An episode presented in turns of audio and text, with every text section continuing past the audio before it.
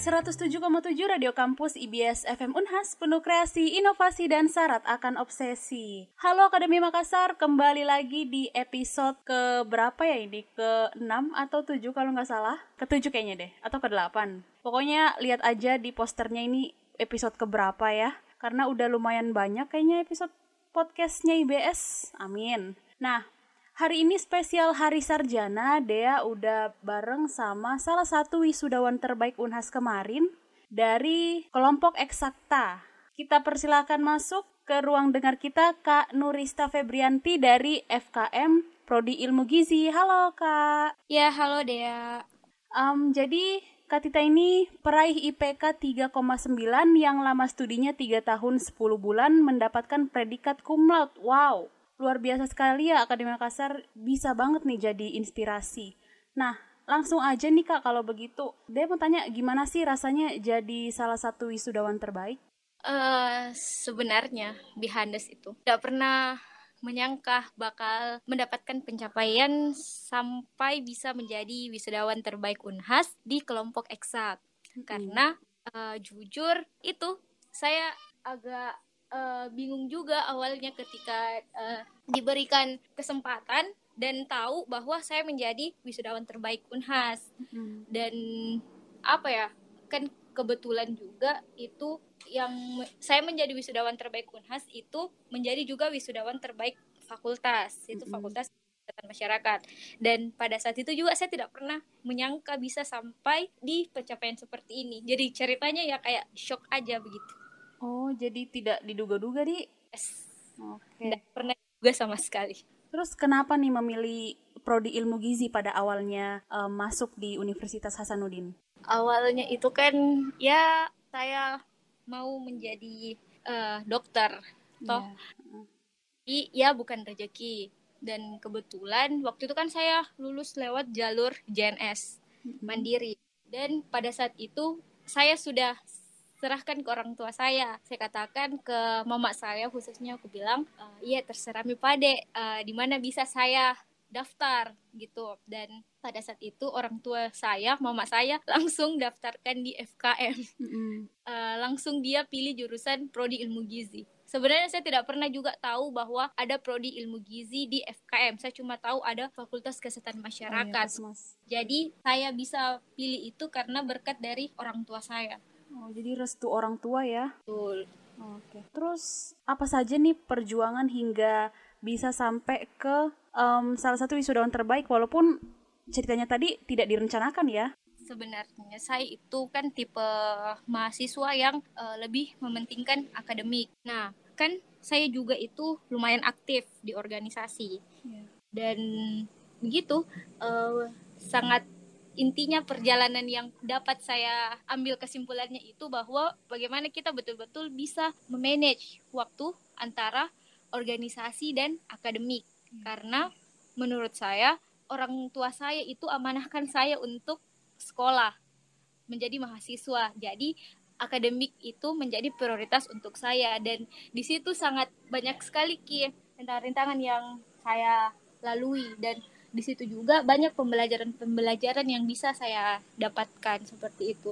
Jadi intinya adalah saya lebih itu, lebih fokus memang ke akademik. Jadi prinsip saya itu uh, ketika menjadi mahasiswa, apa yang ada di depan, misalnya apa yang ada di depanku sekarang itu yang saya kerjakan. Hmm. Seperti itu. Jadi apa di dibilang beban juga tidak karena ya enjoy enjoy jiki jalani harus yeah. memang ikhlas atas segala proses-proses yang akan kita dapatkan seperti itu. Um, jadi memang memang uh, waktu kayak maba atau semester pertengahan gitu tidak pernah berencana untuk meraih predikat cum laude atau kuliah dalam waktu singkat begitu. Oh. Kalau terkait itu waktu menjadi maba itu uh, pesannya orang tua saya khususnya bapak saya dia katakan uh, bilang uh, kalau bisa itu cum laude nak begitu hmm, bahasanya. Hmm. dan di situ langsung saya tanamkan di otak saya.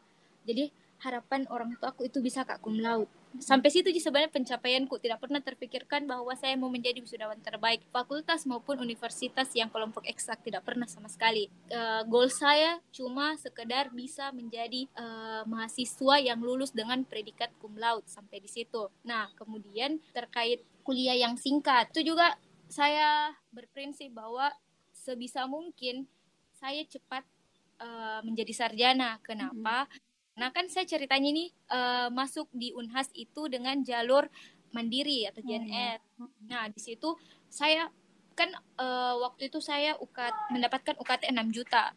Nah, nah di situ saya merasa kayak menjadi beban.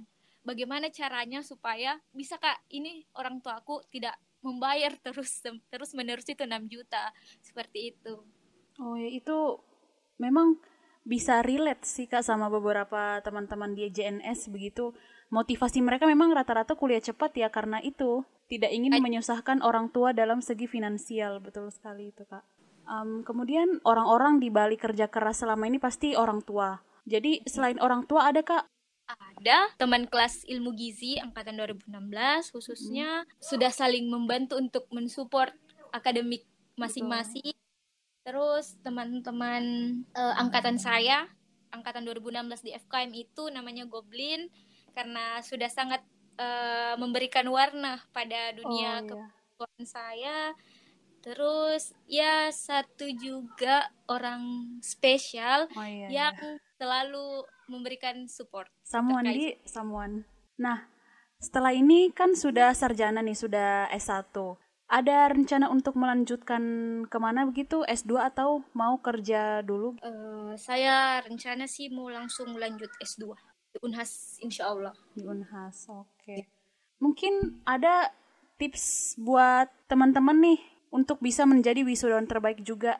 Ya itu kita betul-betul harus sebisa mungkin untuk memaksimalkan kemampuan kita selama uh, berkuliah seperti mengerjakan tugas, yeah. kumpul tugas tepat waktu, mm-hmm. rajin masuk kuliah, ya uh, tips-tips umum begitu untuk mahasiswa karena menurut saya hal seperti itu juga kan dinilai oleh dosen dari penilaiannya itu ya kemungkinan ketika kita mengikuti semua kemauan dari dosen itu ya nilai yang diberikan pun juga bisa semaksimal itu seperti itu.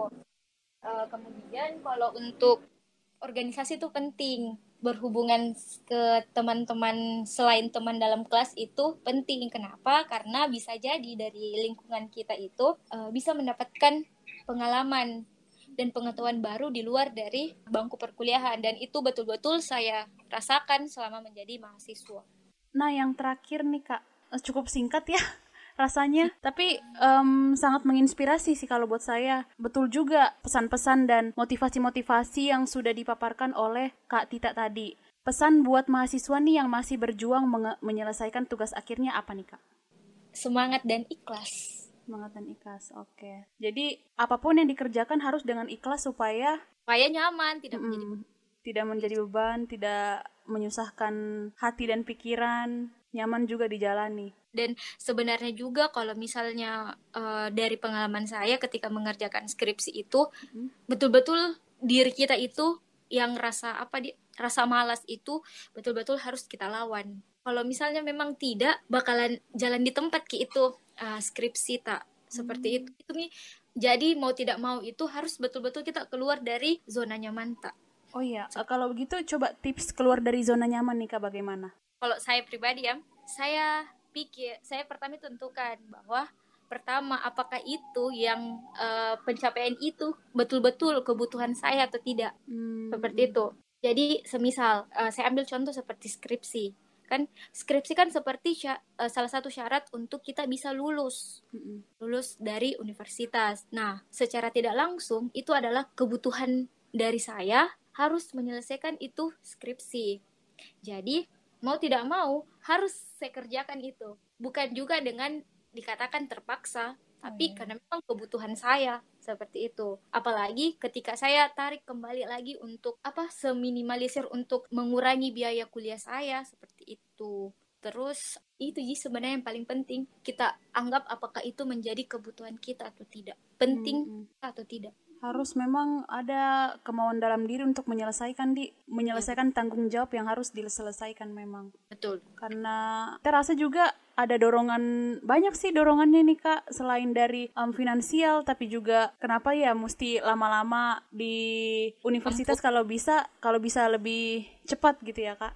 Oke jadi mungkin um, seperti itu aja kak. Terima kasih sudah mengisi podcastnya IBS hari ini dan selamat sekali lagi pencapaiannya atas menjadi wisudawan terbaik tingkat Universitas Kelompok Eksakta. Semoga um, di pendidikan yang selanjutnya bisa menjadi tetap bisa menjadi inspirasi dan prestasi-prestasinya juga lebih ditingkatkan. Amin. Jadi begitu saja Akademi Makassar, jangan lupa untuk tetap stay tune di IBS Podcast hanya di Spotify dan follow Instagram IBS di @ibsfmunhas untuk mengetahui update-update apa saja yang sedang terjadi di kampus kita. Dia pamit undur diri, Vivat Akademia, Vivan Profesores.